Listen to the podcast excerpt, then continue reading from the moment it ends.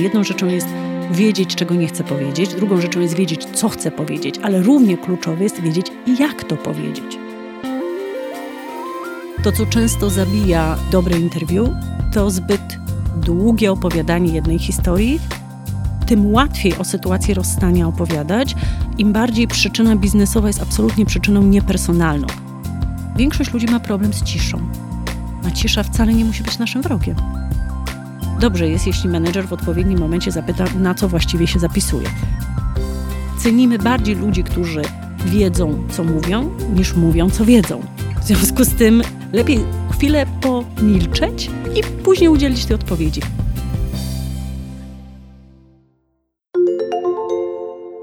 Gdy Executive zmienia pracę, Rafał Talarek, witam Państwa w podcaście LHH Polska. Podczas kolejnego spotkania z Agnieszką Jagiełką, CEO LHH, będę rozmawiał o interwiu. Witaj Agnieszko. Witaj Rafale, witam wszystkich słuchaczy. To zacznijmy od rzeczy ważnych. Co jest ważne w rozmowach rekrutacyjnych na stanowiska top executive?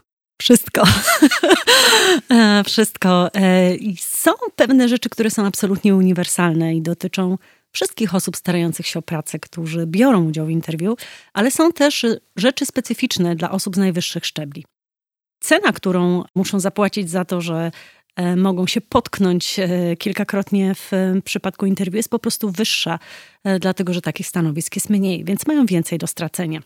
Z rzeczy, które są ważne, a specyficzne dla menedżerów najwyższych szczebli, no to po pierwsze jest kwestia poufności. Są pewne informacje dotyczące sytuacji firmy, dane, które są absolutnie poufne i których ujawnienie budzi zawsze wątpliwości, a z kolei ich nieujawnienie powoduje, że narracja o doświadczeniach zawodowych wydaje się płytka, niepełna lub fałszywa. A więc pierwszy dylemat, jaki mierzą się egzekutywowie, to ile i jak głęboko mogę powiedzieć o tym, czego byłem częścią i czego doświadczałem. Drugi dylemat specyficzny dla egzekutywów to jest dylemat osobistego udziału osobistego wpływu. Z jednej strony zwykło się postrzegać, że osoby z najwyższych stanowisk to ludzie, którzy na organizację mają wpływ największy. Jednocześnie sami manualnie i operacyjnie robią najmniej, ponieważ to, co jest ich udziałem, to jest zarządzanie innymi, którzy pewną operacyjną pracę wykonują. No i znowu też, jak opowiedzieć o mnie, mówiąc o innych, no bo to przecież nie ja prowadziłem ten projekt, tylko prowadził go project manager. Przecież to nie ja otwierałem ten kanał dystrybucji, tylko robił to mój dyrektor sprzedaży. Przecież to nie ja kupowałem tą firmę, tylko robiła to cała masa ludzi z zewnętrznymi doradcami, których mieliśmy zatrudnionych i cały dział finansowy i kontrolik. I oczywiście byłem częścią tego. To są dylematy, które menedżerowie mają. Jak powiedzieć o sobie, o swoim realnym wpływie w sytuacji, kiedy byłem częścią. No i oczywiście kwestie dotyczące decyzji politycznych, które akurat na tą grupę zawodową mają największy wpływ, a o których no, dżentelmeni nie rozmawiają, czy zwykło się nie mówić, to w ogóle jest cała ogromna, e, istotna kategoria rzeczy, o których mówić się nie powinno lub nie warto, bo mogą absolutnie zaszkodzić kandydatowi. Od tego zresztą przez lata prowadząc e, seminarium właśnie z rozmów kwalifikacyjnych dla naszych kandydatów outplacementowych, często zaczynałam je czego nie warto mówić, jak dobrze przygotować się, mając listę rzeczy, na które powinienem uważać, bo to często jest rzecz pomijana w przygotowywaniu się do rozmowy kwalifikacyjnej. Spróbujmy opowiedzieć naszym słuchaczom o kluczowych etapach rozmowy rekrutacyjnej z menedżerami. Bo słyszę dość często od menedżerów, że trudno im się mówi o powodach zakończenia współpracy z poprzednią firmą. E, w podcaście o planowaniu kariery wspominał o tym również jeden z moich gości, Paweł Gniazdowski. Jak zatem o tym opowiadać? To oczywiście jest kwestia indywidualnej historii, która stoi za menedżerem. Zazwyczaj ta indywidualna historia może być mniej lub bardziej związana z historią, która dotyczy całej firmy, której, o której wiedza jest powszechna lub nie. Mówiąc bardzo wprost, tym łatwiej o sytuacji rozstania opowiadać, im bardziej przyczyna biznesowa jest absolutnie przyczyną niepersonalną. Czyli jeżeli mamy do czynienia z tym, że mamy no na przykład fuzję, e, łączą się dwie organizacje i oczywiście nie potrzeba dwóch prezesów, tylko jeden, jest to jakby powód, który powszechnie bywa zrozumiany i akceptowalny. Jeżeli firma się wycofuje z rynku, jeżeli jakaś część biznesu jest gdzieś outsourcowana. Innymi słowy, im bardziej likwidacja danego stanowiska e, jest sprawą obiektywną, tym bezpieczniej dla menedżera, jeśli tak to przedstawi. Zdarzają się oczywiście sytuacje takie, że menedżerowie są osobami zatrudnionymi niejako ze starej gwardii, czyli zatrudnionymi przez poprzednich zarządzających na wyższych szczeblach, a w momencie zmiany czy to na szczeblu regionalnym, czy to na szczeblu lokalnym, nowy e, szef e, zatrudnia sobie swoich ludzi, do czego ma prawo. Czasami powiedzenie o tym też w elegancki sposób jest dobrze przyjmowane. No oczywiście najtrudniejsze są sytuacje takie, gdzie sprawa jest bardzo poufna, kuluary dość specyficzne, e, no i wtedy trzeba rzeczywiście z każdą taką osobą usiąść i zastanowić się, jaka sytuacja, jak przedstawiona ta sytuacja będzie najmniej kontrowersyjna i będzie budziła jak najmniej wątpliwości. Także nie ma jednej uniwersalnej historii, którą można zaproponować każdemu prezesowi. Ona troszkę zależy od osobistej sytuacji i historii, która stoi za odejściem z firmy. No właśnie, moi poprzedni rozmówcy często nawiązywali do emocji, że ten pierwszy etap związany ze zmianą zawodową to są bardzo głębokie emocje. Czy te emocje widoczne u kandydata wpływają na zmianę jego postrzegania jako profesjonalisty? Niestety tak. E, I to jest, y, możemy sobie o tym dyskutować, możemy mm, sprawdzać, czy to jest sprawiedliwe i czy to jest fair. Oczywiście absolutnie nie jest sprawiedliwe i absolutnie nie jest fair, ponieważ jako ludzie wszyscy doświadczamy emocji, a e, sytuacje, z którymi my mamy do czynienia z naszymi klientami, czyli kiedy ktoś za nich podjął decyzję o rozwiązaniu umowy o pracy, kiedy to oni, nie oni odchodzą, ale firma zrezygnowała ze współpracy z nimi, są sytuacjami, które generują bardzo dużo silnych, negatywnych emocji. I nawet jeżeli formalnie powodem rozwiązania tej umowy jest likwidacja stanowiska, co zresztą jest dość zręczną y, formułą i zręcznym powodem dla samego odchodzącego. Bardzo często osoby, które tracą pracę, e, w ślad za usłyszeniem takiej nowiny przechodzą przez bardzo trudny proces emocjonalny, utraty własnej godności, własnego poczucia wartości, utraty poczucia wpływu na tą sytuację, którą, której do tej pory mieli. No i też nierzadko zdarza się tak, że szukają jakiegoś długiego dna, e, jakichś innych powodów ponad te obiektywnie im przedstawione, które mogły leżeć u podłoża podjęcia takiej decyzji. Więc często to niepogodzenie się z tą decyzją, ten pierwszy szok, takie poczucie wytrącenia z jakiegoś obszaru wpływu i kontroli, plus do tego no, takie dłubanie, szukanie jednak drugiego dna, szukanie drugiego powodu, e, sprawdzanie, co jeszcze mogło się wydarzyć, albo co mogłem zrobić inaczej w ostatnim czasie, w ostatnich miesiącach, a może nie powinienem tego powiedzieć, a może nie powinienem był wyjechać, może powinienem być na tym spotkaniu, na którym mnie nie było, bo akurat byłem na urlopie. No wielu menedżerów zaczyna analizować te ostatnie tygodnie, czasem miesiące, zastanawiając się, jak inaczej mogli się zachować i czy te inne zachowania w sytuacjach biznesowych miałyby wpływ na inną decyzję. I teraz, jeżeli tego nie przepracujemy, jeżeli tego nie gdzieś nie przerobimy ze sobą, to wcześniej czy później na rozmowie kwalifikacyjnej ta nasza niezgoda, ten niepokój, ten brak zrozumienia, to poczucie, że gdzieś zostało zachwiane moje poczucie własnej wartości, wyjdzie.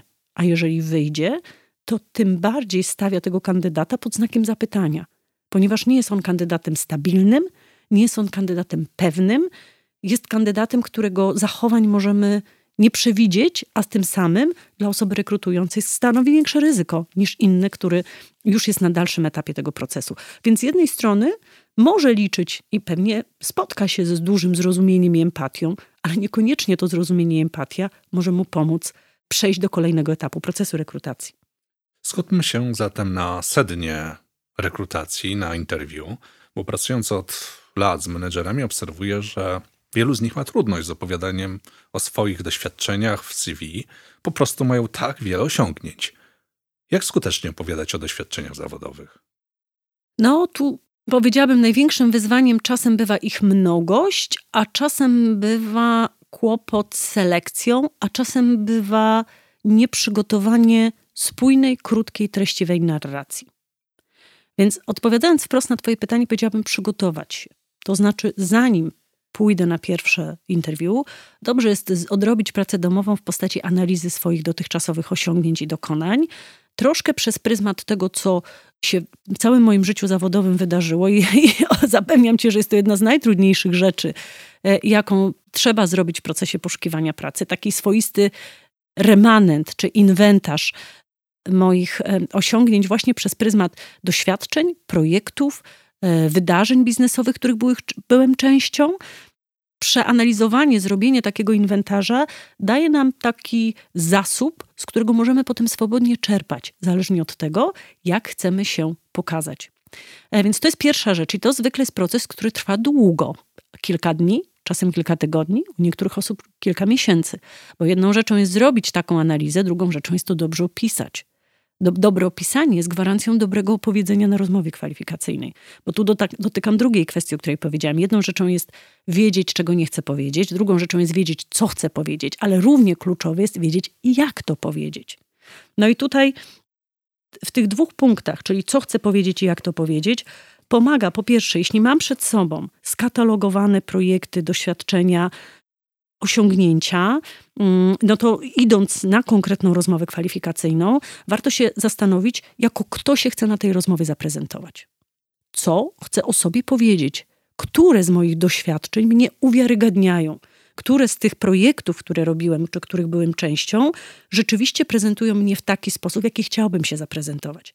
A kolejna rzecz, też istotna, to jest przećwiczenie tej narracji. Przećwiczenie krótkiej, trzyminutowej, pięciominutowej opowieści na dany temat.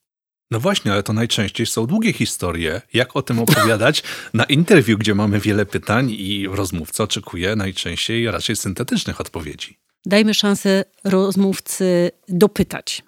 To, co często zabija yy, niestety dobre interwiu, to zbyt długie opowiadanie jednej historii, najczęściej wikłanie się w detale, co też jest taką naturalną pokusą osób, które żyły tym doświadczeniem i dla których to jest obszar ekspertyzy. Często wydaje mi się, że każdy ze szczegółów, które mają do dorzucenia, jest istotny, a e, w sytuacji e, biznesowej na wysokim szczeblu rzadko mamy do czynienia z prostymi historiami, więc naprawdę można dużo i ciekawie opowiadać. No niestety kłopot polega na tym, że w większości przypadków rozmówca już po trzech minutach się nudzi, a po siedmiu, jeśli bardzo skomplikowany sposób opowiadamy, już nie wie, o czym do niego mówimy. Oczywiście, jeśli to jest e, nasz przyszły szef, prezes, ktoś, kto jest absolutnie ekspertem w branży, to ten e, dialog e, ekspertów z różnymi szczegółami ma szansę nam się przysłużyć, ale to jest finalny proces rekrutacji.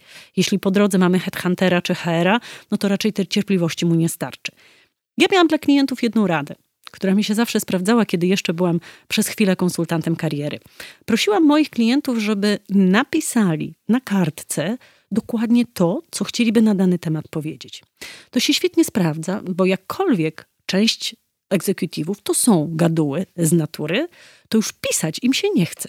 Jeżeli napiszą to w końcu, najczęściej w kilku konkretnych zdaniach, to potem rekomendowałam, aby powiedzieli dokładnie tyle, ile napisali. Najczęściej to się mieściło właśnie w tych trzech minutach. Taka prosta technika pozwala nam zarządzić tym naszym gadulstwem.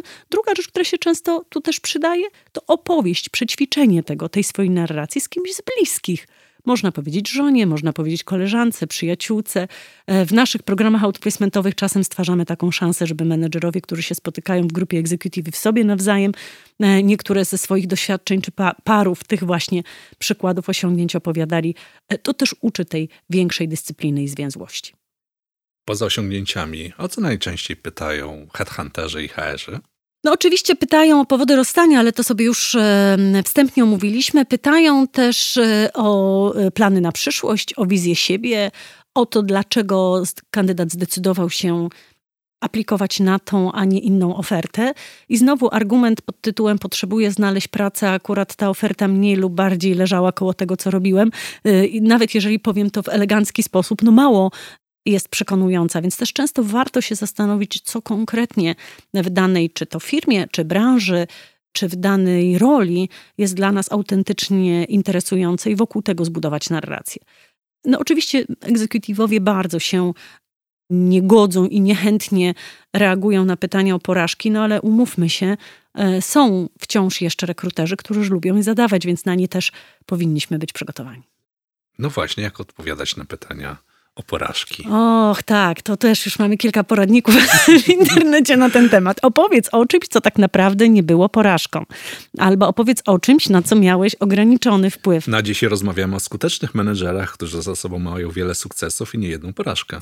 Wiesz co, wydaje mi się, że bezpieczną odpowiedzią na pytanie o porażkę y, jest opowiedzenie o czymś, co zdarzyło się idealnie jakiś czas temu, czyli nie jest najświeższym naszym doświadczeniem i z czymś, z czego się nauczyliśmy konkretnych rzeczy. Więc jeżeli tą porażkę przedstawimy jako doświadczenie, z którego się czegoś konkretnie nauczyliśmy i, i w scenariuszu idealnym następnym razem, kiedy zdarzyła się podobna sytuacja, już tą lekcję odrobiliśmy, no to myślę, że spełni to wymogi, które mi przed chwilą postawiłeś.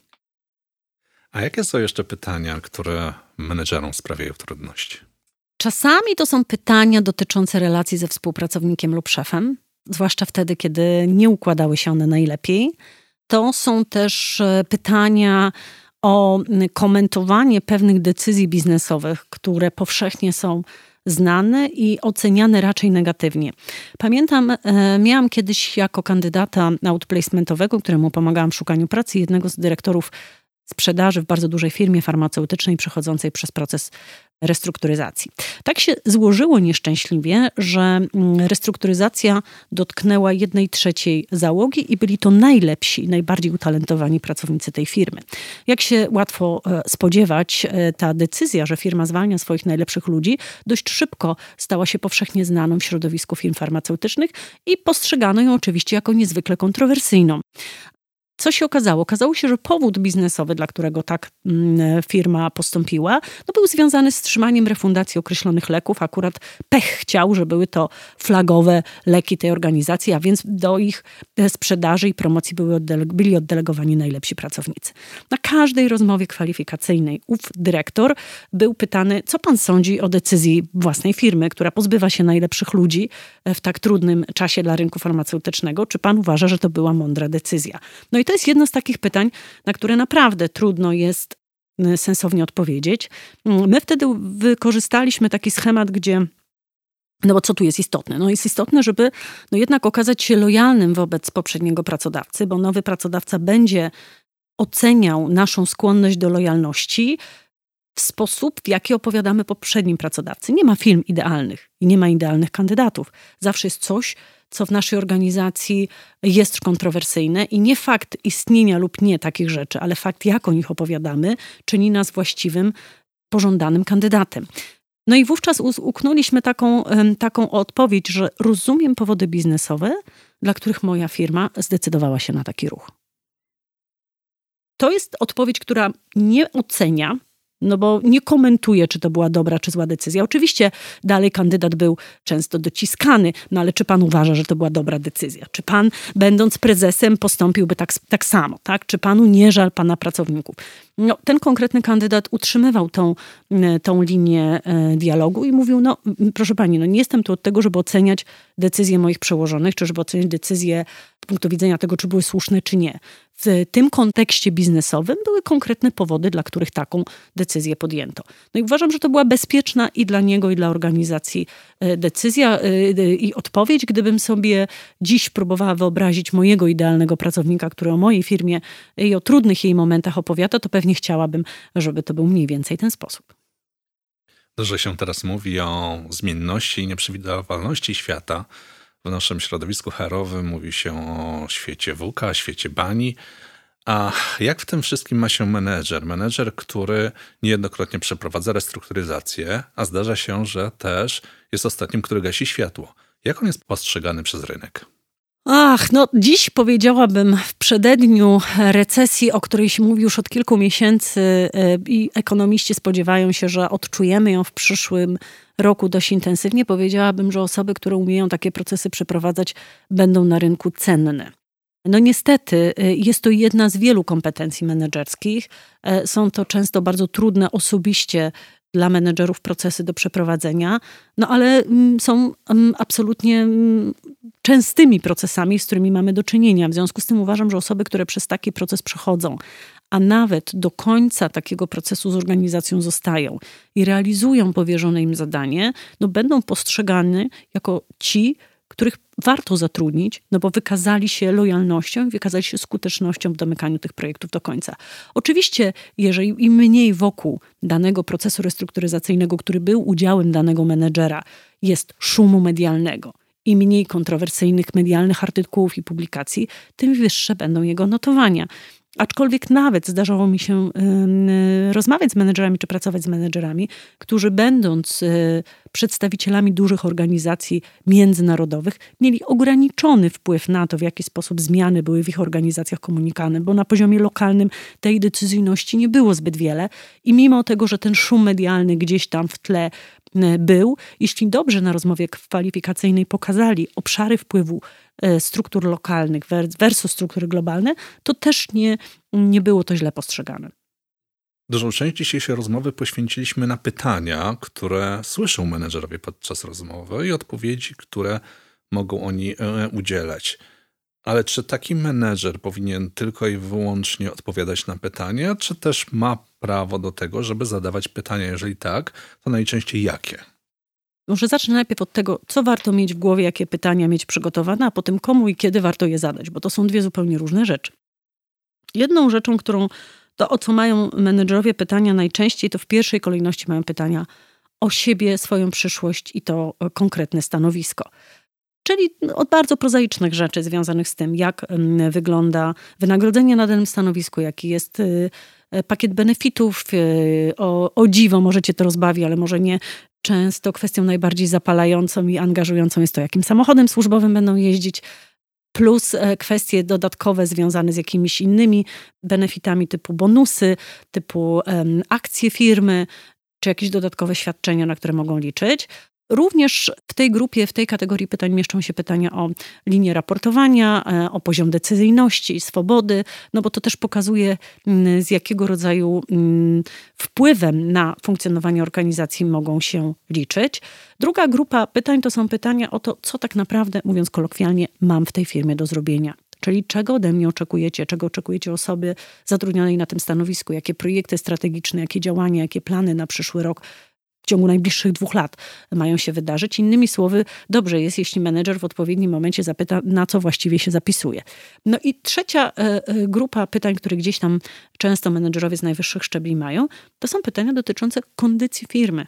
Czyli tego, w jakim momencie biznesowym w ogóle jest ta organizacja, w jakim momencie biznesowym jest ta organizacja globalnie, lokalnie, jak wygląda jej sytuacja finansowa, jak wyglądają plany strategiczne, kto jest jej właścicielem, e, jaka jest cena jej akcji, jeśli jest to spółka giełdowa. Innymi słowy, rzeczy, które mają wpływ na to, czy y, to miejsce pracy, czy ta organizacja, jeśli staram się o pracę etatową, jest miejscem pracy stabilnym, jest miejscem pracy przyszłościowym. To są też pytania, to mogą być też pytania i często one są o kulturę organizacyjną, które zresztą którą zresztą jest najtrudniej zweryfikować w procesie rekrutacji. To y, dobrze jest rekrutować poprzez sieć networkingu osobistego i poprzez sieć znajomych, e, do których może się udać dotrzeć, którzy mają kogoś, kto w takiej firmie pracuje. Bo raczej mm, na, w procesie rekrutacyjnym, podobnie jak kandydat, z założenia chce się pokazać jak z najlepszej strony, tak samo i pracodawca również e, będzie raczej szczędził kandydatom opowieści o, o, o, o, cieniach, skupiając się w naturalny sposób tylko na blaskach pracy w danej organizacji. Więc te mm, wiarygodne informacje czy może inaczej, uzupełniające informacje, bo one nie zawsze muszą być wiarygodne, czasem są jednostkowe, ale te uzupełniające informacje można pozyskać raczej od byłych pracowników. Powszechne dziś jest też korzystanie przy okazji weryfikowania informacji o firmie z różnego rodzaju portali, które mm, dają taką szansę, żeby sobie o organizacji poczytać. E, jest kilka takich portali międzynarodowych lub naszy, naszych polskich, lokalnych. Zazwyczaj e, brylują tam osoby, które e, doznały jakiegoś uszczerbku w relacjach z pracodawcą i są raczej krytyczne, jak już we wszystkich dziedzinach. Tak? E, proporcje między negatywnymi komentarzami zawsze będą większe z natury rzeczy w stosunku do komentarzy pozytywnych, więc też radzimy naszym klientom, żeby nie przesadnie ufać tym wszystkim złośliwościom, które tam sobie można w internecie znaleźć. Natomiast to, na co na pewno warto zwrócić uwagę, to jeśli są w tych wpisach jakieś bardzo konkretne rzeczy, które się powtarzają, to na pewno um, powinny nam dać do myślenia. No i druga rzecz, Rafał, o którą pytałeś, jak o to pytać, tak? I kiedy?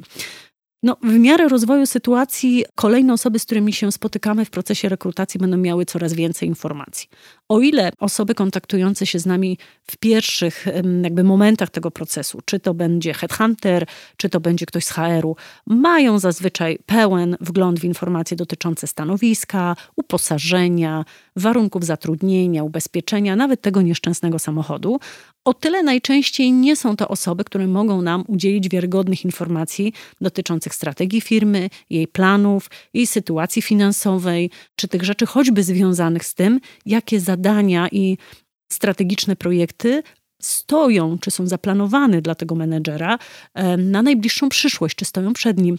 A więc o te rzeczy raczej warto już pytać na późniejszych etapach procesu rekrutacyjnego. Też często warto się przygotować, zebrać informacje z rynku, poczytać w mediach, e, po sprawdzać, jakie mm, e, publiczne wiadomości są dostępne e, i odnieść się do nich w procesie rekrutacji, ale najczęściej już z przedstawicielami biznesu, w, no, zazwyczaj w, w finalnych momentach procesu rekrutacji. Dużo mówisz o tym, co mówimy i jak mówimy, ale na co rekruterzy zwracają uwagę podczas rozmowy, poza tym, co mówimy? Tak jak e, sam powiedziałeś, zwracam uwagę na kilka rzeczy. Oczywiście bardzo dużo e, się teraz w mediach pisze o e, mowie ciała, czyli o tym, co mówimy, kiedy nie mówimy. Pewnie są rekruterzy, którzy przywiązują bardzo dużą wagę do tego, w jaki sposób gestykulujemy, w jaki sposób się uśmiechamy, aczkolwiek też nie demonizowałabym tej mowy ciała. Myślę, że to, co przede wszystkim jest przedmiotem oceny, to jest ta nasza stabilność emocjonalna, ze podkreśleniem słowa stabilność, tak? bo każdy z nas ma prawo do przeżywania różnych emocji, ale ostatecznie w sytuacjach biznesowych czujemy się pewniej z ludźmi, którzy kontrolują swoje emocje, a rozmowy kwalifikacyjne niestety tego od nas wymagają. I teraz poza tym, że to wymaga doboru, starannego doboru słów, żeby właśnie nie pokazać jakiegoś poziomu frustracji, desperacji, czy e, właśnie jakiejś niezgody, to również to, jak długo o czymś mówimy i o czym mówimy często lub do czego często wracamy, to są również sygnały, które pokazują, co jest dla nas ważne. To, o co pytamy, tak jak rozmawialiśmy przed chwilą, również pokazuje, dużo mówi o nas jako kandydatach. Jeżeli kandydat ma pytania Pierwszym pytaniem jest o to, ile będzie zarabiał na danym stanowisku i jaki będzie miał samochód. No to też pokazujemy siebie jako kandydata, który jest przede wszystkim zorientowany na kwestie materialne i poczucie, szuka poczucia bezpieczeństwa, a mniej go interesuje to, do jakich zadań czy projektów będzie zaproszony. Natomiast kolejną rzeczą, która czasem się gdzieś tam w tym procesie rekrutacji pojawia, no to są oczywiście takie zachowania e, z poziomu e, naszej mimiki, naszej gestykulacji. No i znowu, nie oszukamy temperamentu. Jeżeli ktoś jest osobą żywiołową i energiczną i z natury rzeczy du dużo gestykuluje, a wyczytał w poradniku na temat interwiu, bo są takie poradniki, które mówią, że trzeba trzymać ręce przy sobie i nie warto nimi machać. Broń Boże, nie pstrykać długopisem i nie wykazywać żadnych e, e, tutaj oznak zniecierpliwienia, no to czasem te sytuacje są dość kuriozalne. Pamiętam ze swoich rozmów, które prowadziłam, takich próbnych rozmów kwalifikacyjnych dla naszych kandydatów, ludzi, którzy za wszelką cenę próbowali zapanować nad tymi swoimi odruchami, wyciągając ręce spod stołu i chowając je natychmiast, albo zakładając nogę na nogę i rozkładając te nogi, bo gdzieś wyczytali, że nie wolno im tego robić. Chyba w tą stronę bym nie szła. Powiedziałabym, jeśli gestykulujesz naturalnie, to po prostu to rób. Czym innym są oczywiście tiki. Też przypomniała mi się w tej chwili kandydatka, która w momencie zdenerwowania E, miała taki zwyczaj, taki odruch, którego zupełnie nie była świadoma, e, łapania się za golf, który miała przy szyi. Nosiła takie piękne golfy z dużymi tutaj wywiniętymi kołnierzami i często manualnie dotykała tego golfu. I oczywiście, jeżeli to się starzy dwa, trzy razy w ciągu interwiu, to nie zwraca niczej uwagi. Natomiast jeżeli to się zdarza co chwilę, to pojawia się to jako dystraktor. W wielu źródłach możemy też przeczytać o, y, o tym, jak rozpoznać osoby, które nie do końca są uczciwe w procesie rekrutacji, a takim już sztandarowym sygnałem braku uczciwości jest niepatrzenie komuś w oczy.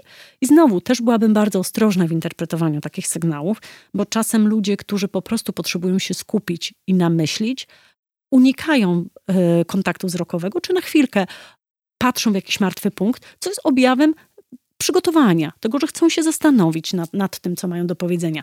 To zresztą w ogóle jest oddzielna kwestia, za chwilę do niej wrócę.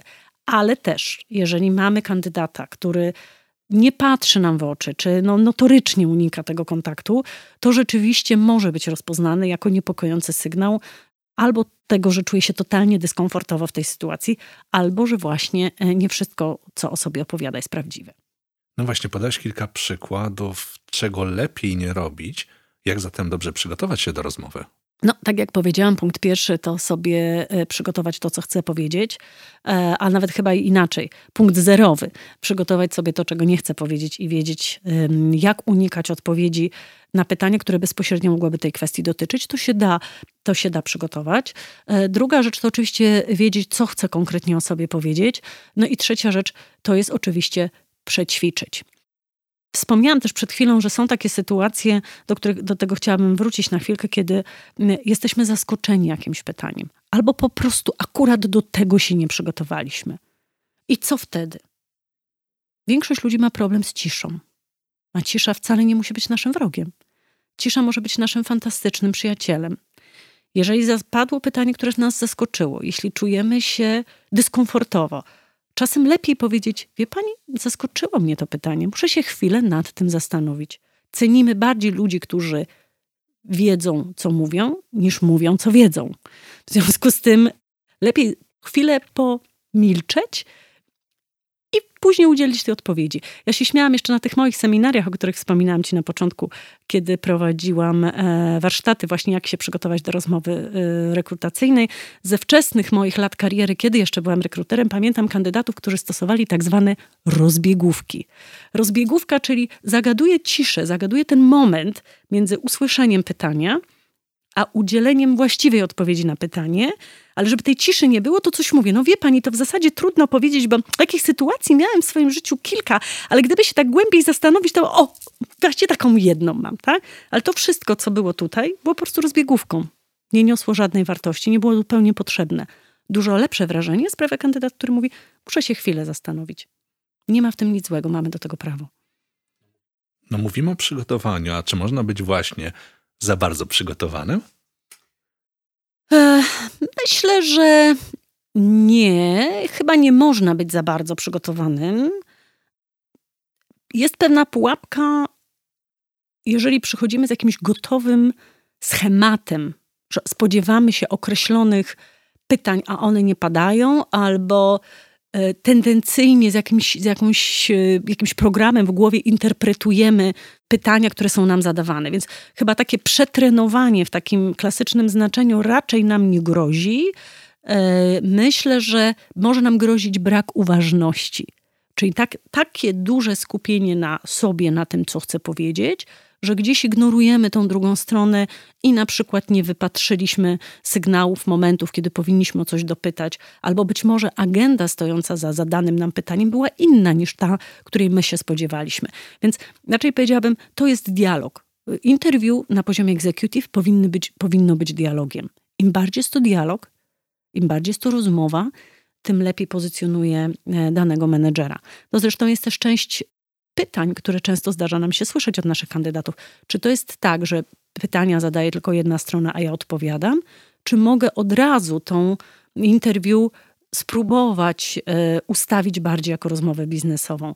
E, myślę, że zawsze warto próbować. Tak? Najwyżej naturalny sposób osoba, która nas zaprosiła, jednak wejdzie w tą klasyczną konwencję, ale kandydat, który jest w stanie sprawić, żeby to była bardziej rozmowa, dzielenie się doświadczeniami, prosi o opinię, pyta, sprawdza, ostatecznie częściej bywa dużo, dużo lepiej postrzegany.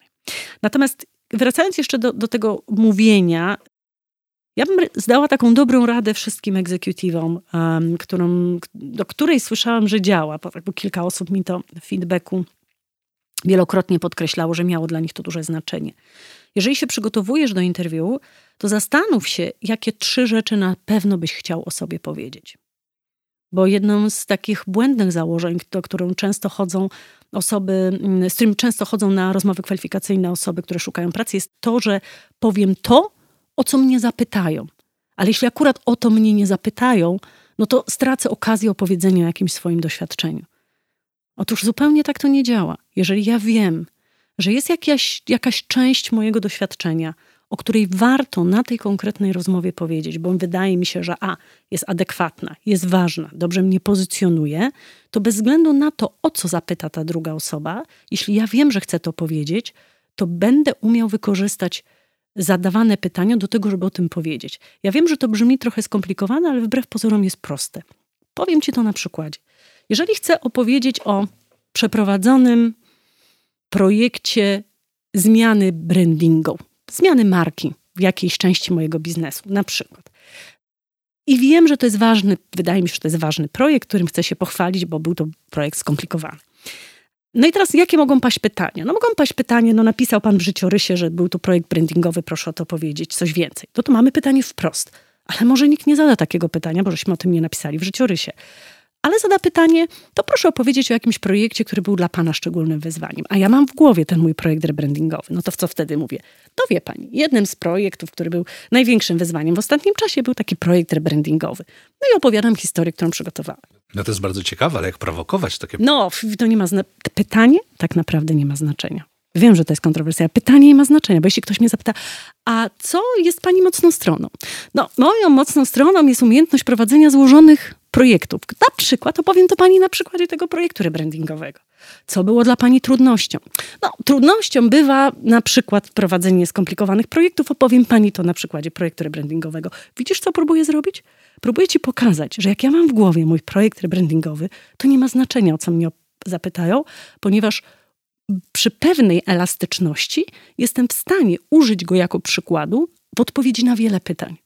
I to dawało osobom, z którymi ja pracowałam w przeszłości, takie poczucie kontroli. Nie może tego być dużo, tak? Bo się pogubimy. Ale jeśli mamy trzy takie projekty, trzy takie przykłady, może cztery, które, na których się chcemy skupić i które mamy w tak zwanej przysłowiowej szufladzie do odsunięcia i wyjęcia, to bez względu na to, co zostaniemy zapytani, możemy je wykorzystać. I teraz, jeśli wiemy i wierzymy, rozumiemy, że w danym projekcie rekrutacyjnym te trzy są dla nas kluczowe, to część rozmowy kwalifikacyjnej, jeśli nie większość, powinna być wykorzystana po to, żeby dać sobie szansę o nich opowiedzieć.